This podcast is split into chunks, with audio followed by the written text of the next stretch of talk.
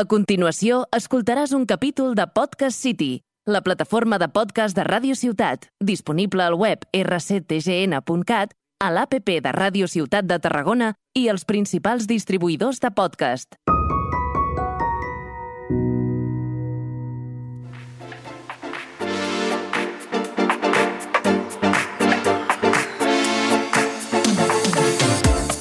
Volguts i benvolgudes a un altre capítol del programa de Veus de la Terra. Soc la Lucía Medina i avui tinc dos acompanyants, que són la Umi i la Canyo. Com esteu? Hola, molt bé. Bé, també. Nervioses? Sí, una mica. No, home. Eh, doncs avui les he portat per parlar d'una dona, que és la Diala Diara, que és una dona que va néixer a Mali el 1976. I amb aquesta dona, eh, a través d'aquesta dona, parlarem d'un tema que, bueno, tothom sap del tema, però potser no parlem gaire, tampoc. És la, el tema de la mutilació genital femenina. Sí. Valtros, què sabeu d'aquest tema? Um, bueno, per lo que ens confereix... Ai! que mal. Bueno, um, al ser d'origen senegalès les dues, és com un tema que hem tingut proper dins del que cap i bueno, tenim certs coneixements, potser no els més científics o els més evidents, sí. però Que por mucho que no haya sido un tema directo en nosotras, porque nosotras no lo hemos sufrido, eh, tenemos familiares que sí que lo han sufrido y sabemos cuál es la, exper la experiencia y todo eso, entonces... Vale. Més per tema doncs, de la vostra cultura, del que heu sentit a parlar a casa i tal, no? Sí. Molt bé, doncs ara entrarem més al tema. Eh, primer presentaré a aquesta dona a la que avui li vull donar veu, que és la Dia la Diara, que és una dona que, com ja he dit, va néixer a Mali el 1976 i només amb una setmana de vida ja va patir la mutilació genital. I, bueno, als 13 anys ja la van casar i, al, i als 15 anys es va venir a viure a Catalunya amb el seu marit. Eh, el 2001 es va quedar viuda, vídua, perdó, i bueno, es va quedar sola a un país que no era el seu país d'origen amb, cinc, amb cinc fills. El més gran en tenia 9 i el més petit tenia 8 mesos. Llavors, bueno, pues, era, va ser una dona mm, que va tenir una lluita constant durant tota la seva vida, ja que des de molt jove es va quedar sola amb, una, amb molta canalla i en un país estranger, sense família, sense res. En l'actualitat eh, presideix una associació que es diu Legui Yacaro, que és una associació de dones subsa- subsahari- subsaharianes, ai, no em surt, eh, que és una entitat que col·labora amb Oxfam In- Intermón a Espanya, que és una associació que lluita en contra de la mutilació genital femenina i de posar-li fi. Eh, la coneixíeu, aquesta dona, Valtros? No, No. yo no. no, no, I l'associació tampoc? no me sona gaire. està a Barcelona. De fet, a Barcelona la consideren... Bueno, li diuen la mama Diala. Perquè, bueno, eh, hi ha moltes dones que estan en aquesta associació, però és una dona que no, ningú coneix, ningú té nom. Entenc que aquest tema és un tema que tothom ha sentit a parlar de la mutilació genital femenina, però no teníem cap referent, cap dona, cap lluitadora que hagi defensat no, per posar fi a, a aquest tema. I bueno, vaig pensar que era un bon tema i, i, bueno, i ara els tinc a vosaltres per preguntar-vos una mica més sobre, sobre què sabeu. I al final que no sapigueu tampoc la mutilació genital femenina com una cosa científica més teòric, tampoc hi ha cap problema perquè si volem saber què és científicament tots tenim el Google a mà, Sí, sí. però mirar de manera més cultural està molt bé. Llavors, eh, quins motius i quines causes hi ha en la, en la vostra cultura, en, els, en la vostra família, que heu sentit sobre la mutilació genital femenina? Eh, bueno, yo eh, es verdad que mi madre no me suele hablar de ese tema porque como que lo ve un tema bastante tabú o más que tabú lo ve como que un tema que no quiere hablar con sus hijas, pero como he escuchado a- he escuchado bastante hablar de ese tema y pues a mí siempre me ha dado curiosidad saber por qué lo hacían y muchas de las razones que me daban era que lo hacían bueno, la, la que más se conoce en principio es para que la mujer como que no sienta placer cuando tenga relaciones sexuales. O, por ejemplo, la que mi madre me dice, así entre comillas, es porque como que se ve que si las abuelas lo han hecho, pues que es normal que lo, lo quieran pasar a sus hijos y de los hijos a los nietos también. Es como que cultura. Y dicen que más que nada lo hacen para que la, la chica, la mujer, no vaya detrás de los hombres, como que eso, que no busque tener relaciones, como que no esté desesperada, así entre comillas, buscar relaciones. Eso es lo que yo sé de eso. Clar, també entenc que si a les àvies o a les besàvies se'ls ha practicat, no han pogut viure el que és tenir relacions sense estar mutilades, sense patir la mutilació, llavors no han viscut una altra opció i no veuen una alternativa, no? perquè tampoc saben que poden tenir plaer, o almenys no ho han viscut. Més que no saber-ho, jo penso que és com a que se junte un tema religiós, que realment acaba no sent religiós perquè és més aviat cultural, en què es veu superpenat el plaer que tenim les dones en el sexe i culturalment és com anem a reprimir-ho d'alguna forma i així és com s'acaba reprimint algo que és supernatural però que prefereixen com a evitar.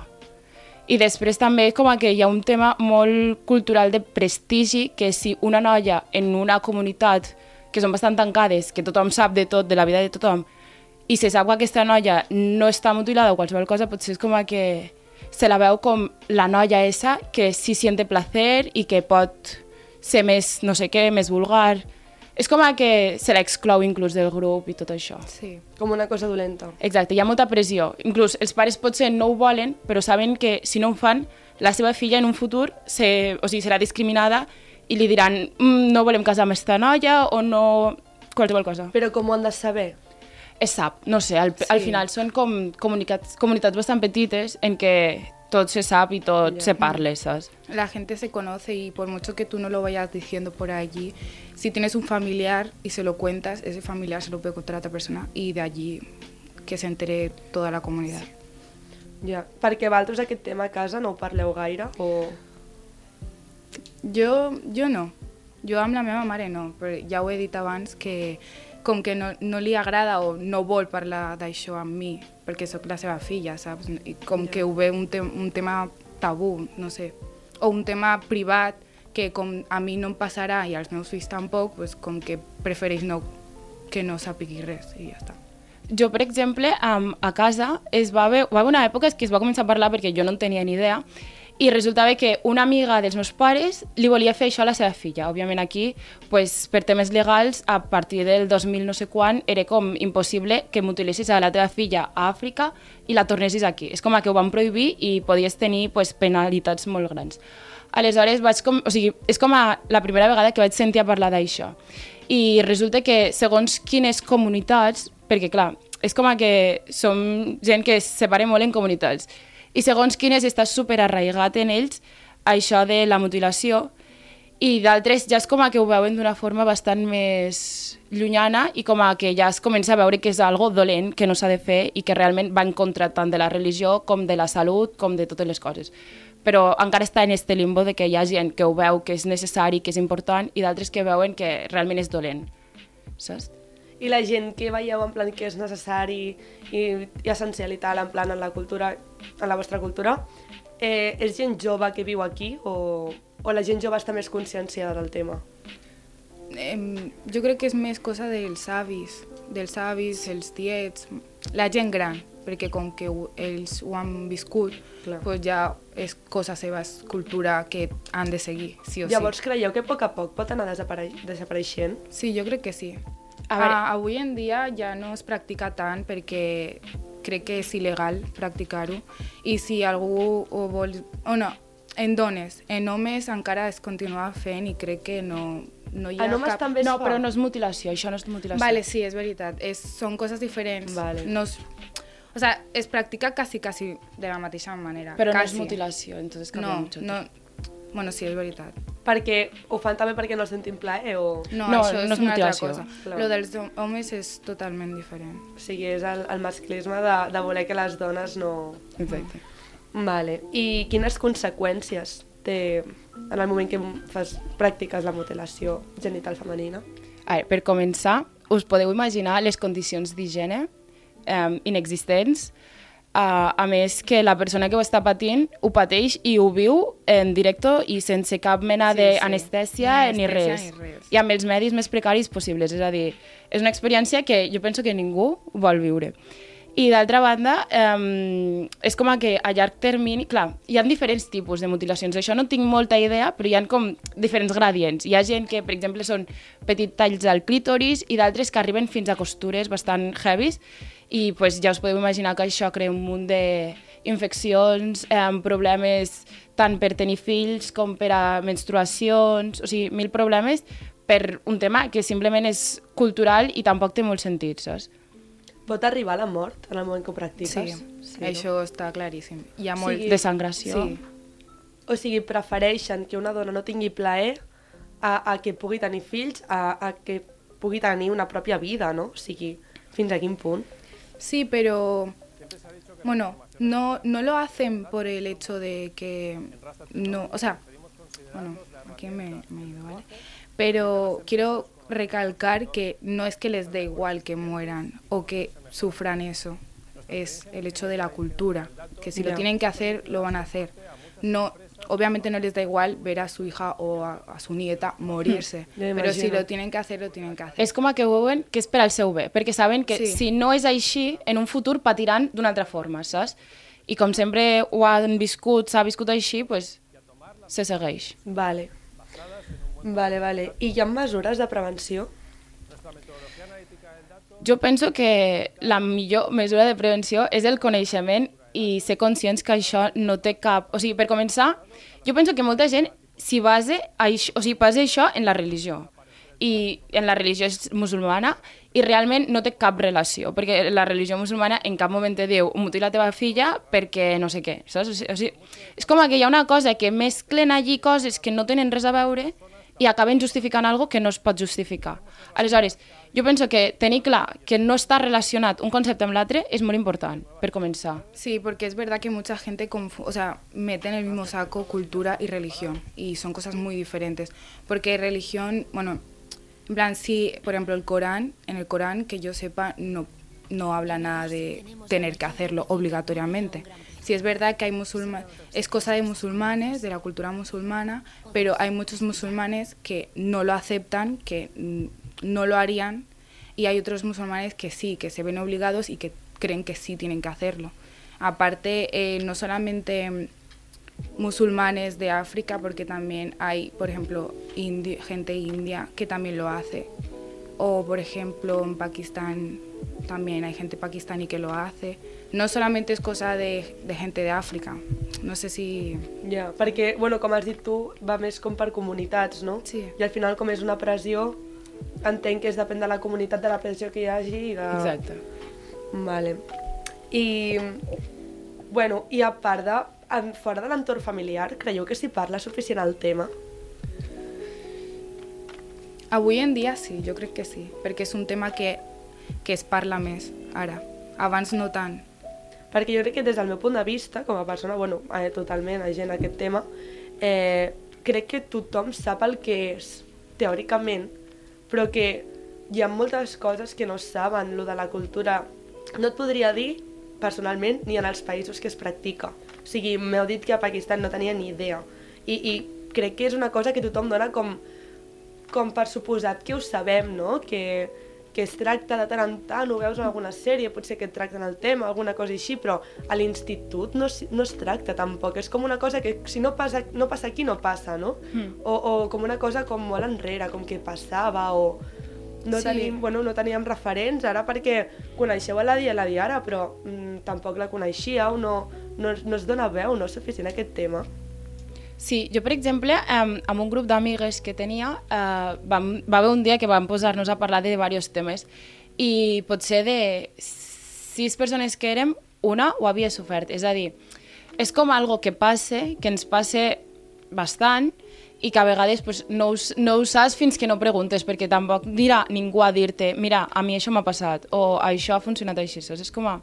Està allí, però potser no s'hi parla. És un tema més privat, és com que... És el que ha dit, que si no ho preguntes no t'ho diran, saps?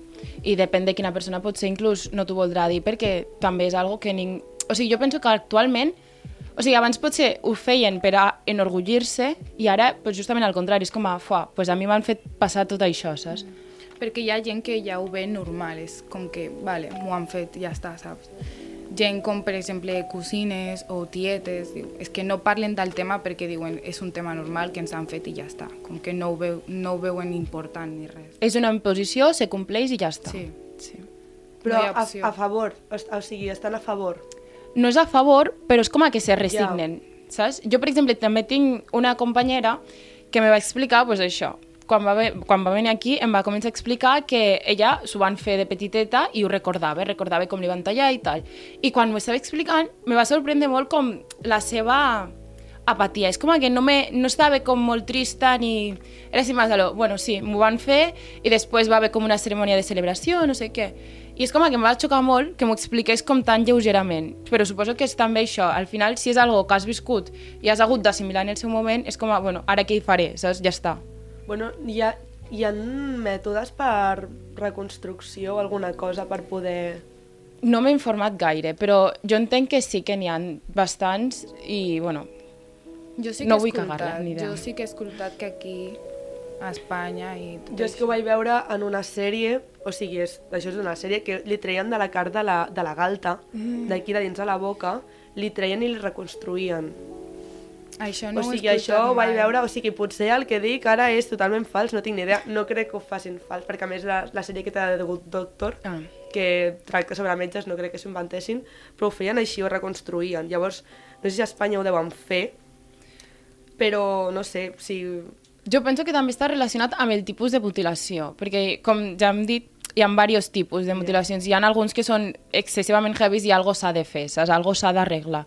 I d'altres jo entenc que són com més passius. Per exemple, jo la, la que us estic comentant ara mateix, um, es va, o sigui, van tallar-li, però va ser com un trosset de clítoris. Va ser com més simbòlic, potser, saps? Perquè, per lo que m'ha explicat, ella encara té sensibilitat i tal. Aleshores, també penso que dependrà de, molt d'això, però també penso que un cop has perdut la sensibilitat allí és molt difícil tornar-la a, a tenir, és a dir, no és algo que tu puguis agafar carn de la galta, posar-t'ho i... Bueno, no tinc idea. si ho connecten d'algú... En plan, això estem parlant Sí, de saber, però... no tenim ni idea. Però que si hi hagués l'opció, ostres, que també estaria Sí, sí, sí. bé, però bueno. Doncs molt bé, molt guai parlar d'aquest tema amb vosaltres. Moltíssimes gràcies per venir. I bueno, recordeu que podeu seguir per xarxes de Veus de la Terra a Instagram, Veus de la Terra barra baixa podcast, i també a Twitter i a TikTok. Així que ens veiem en el pròxim capítol. Adeu. Adeu. Adéu.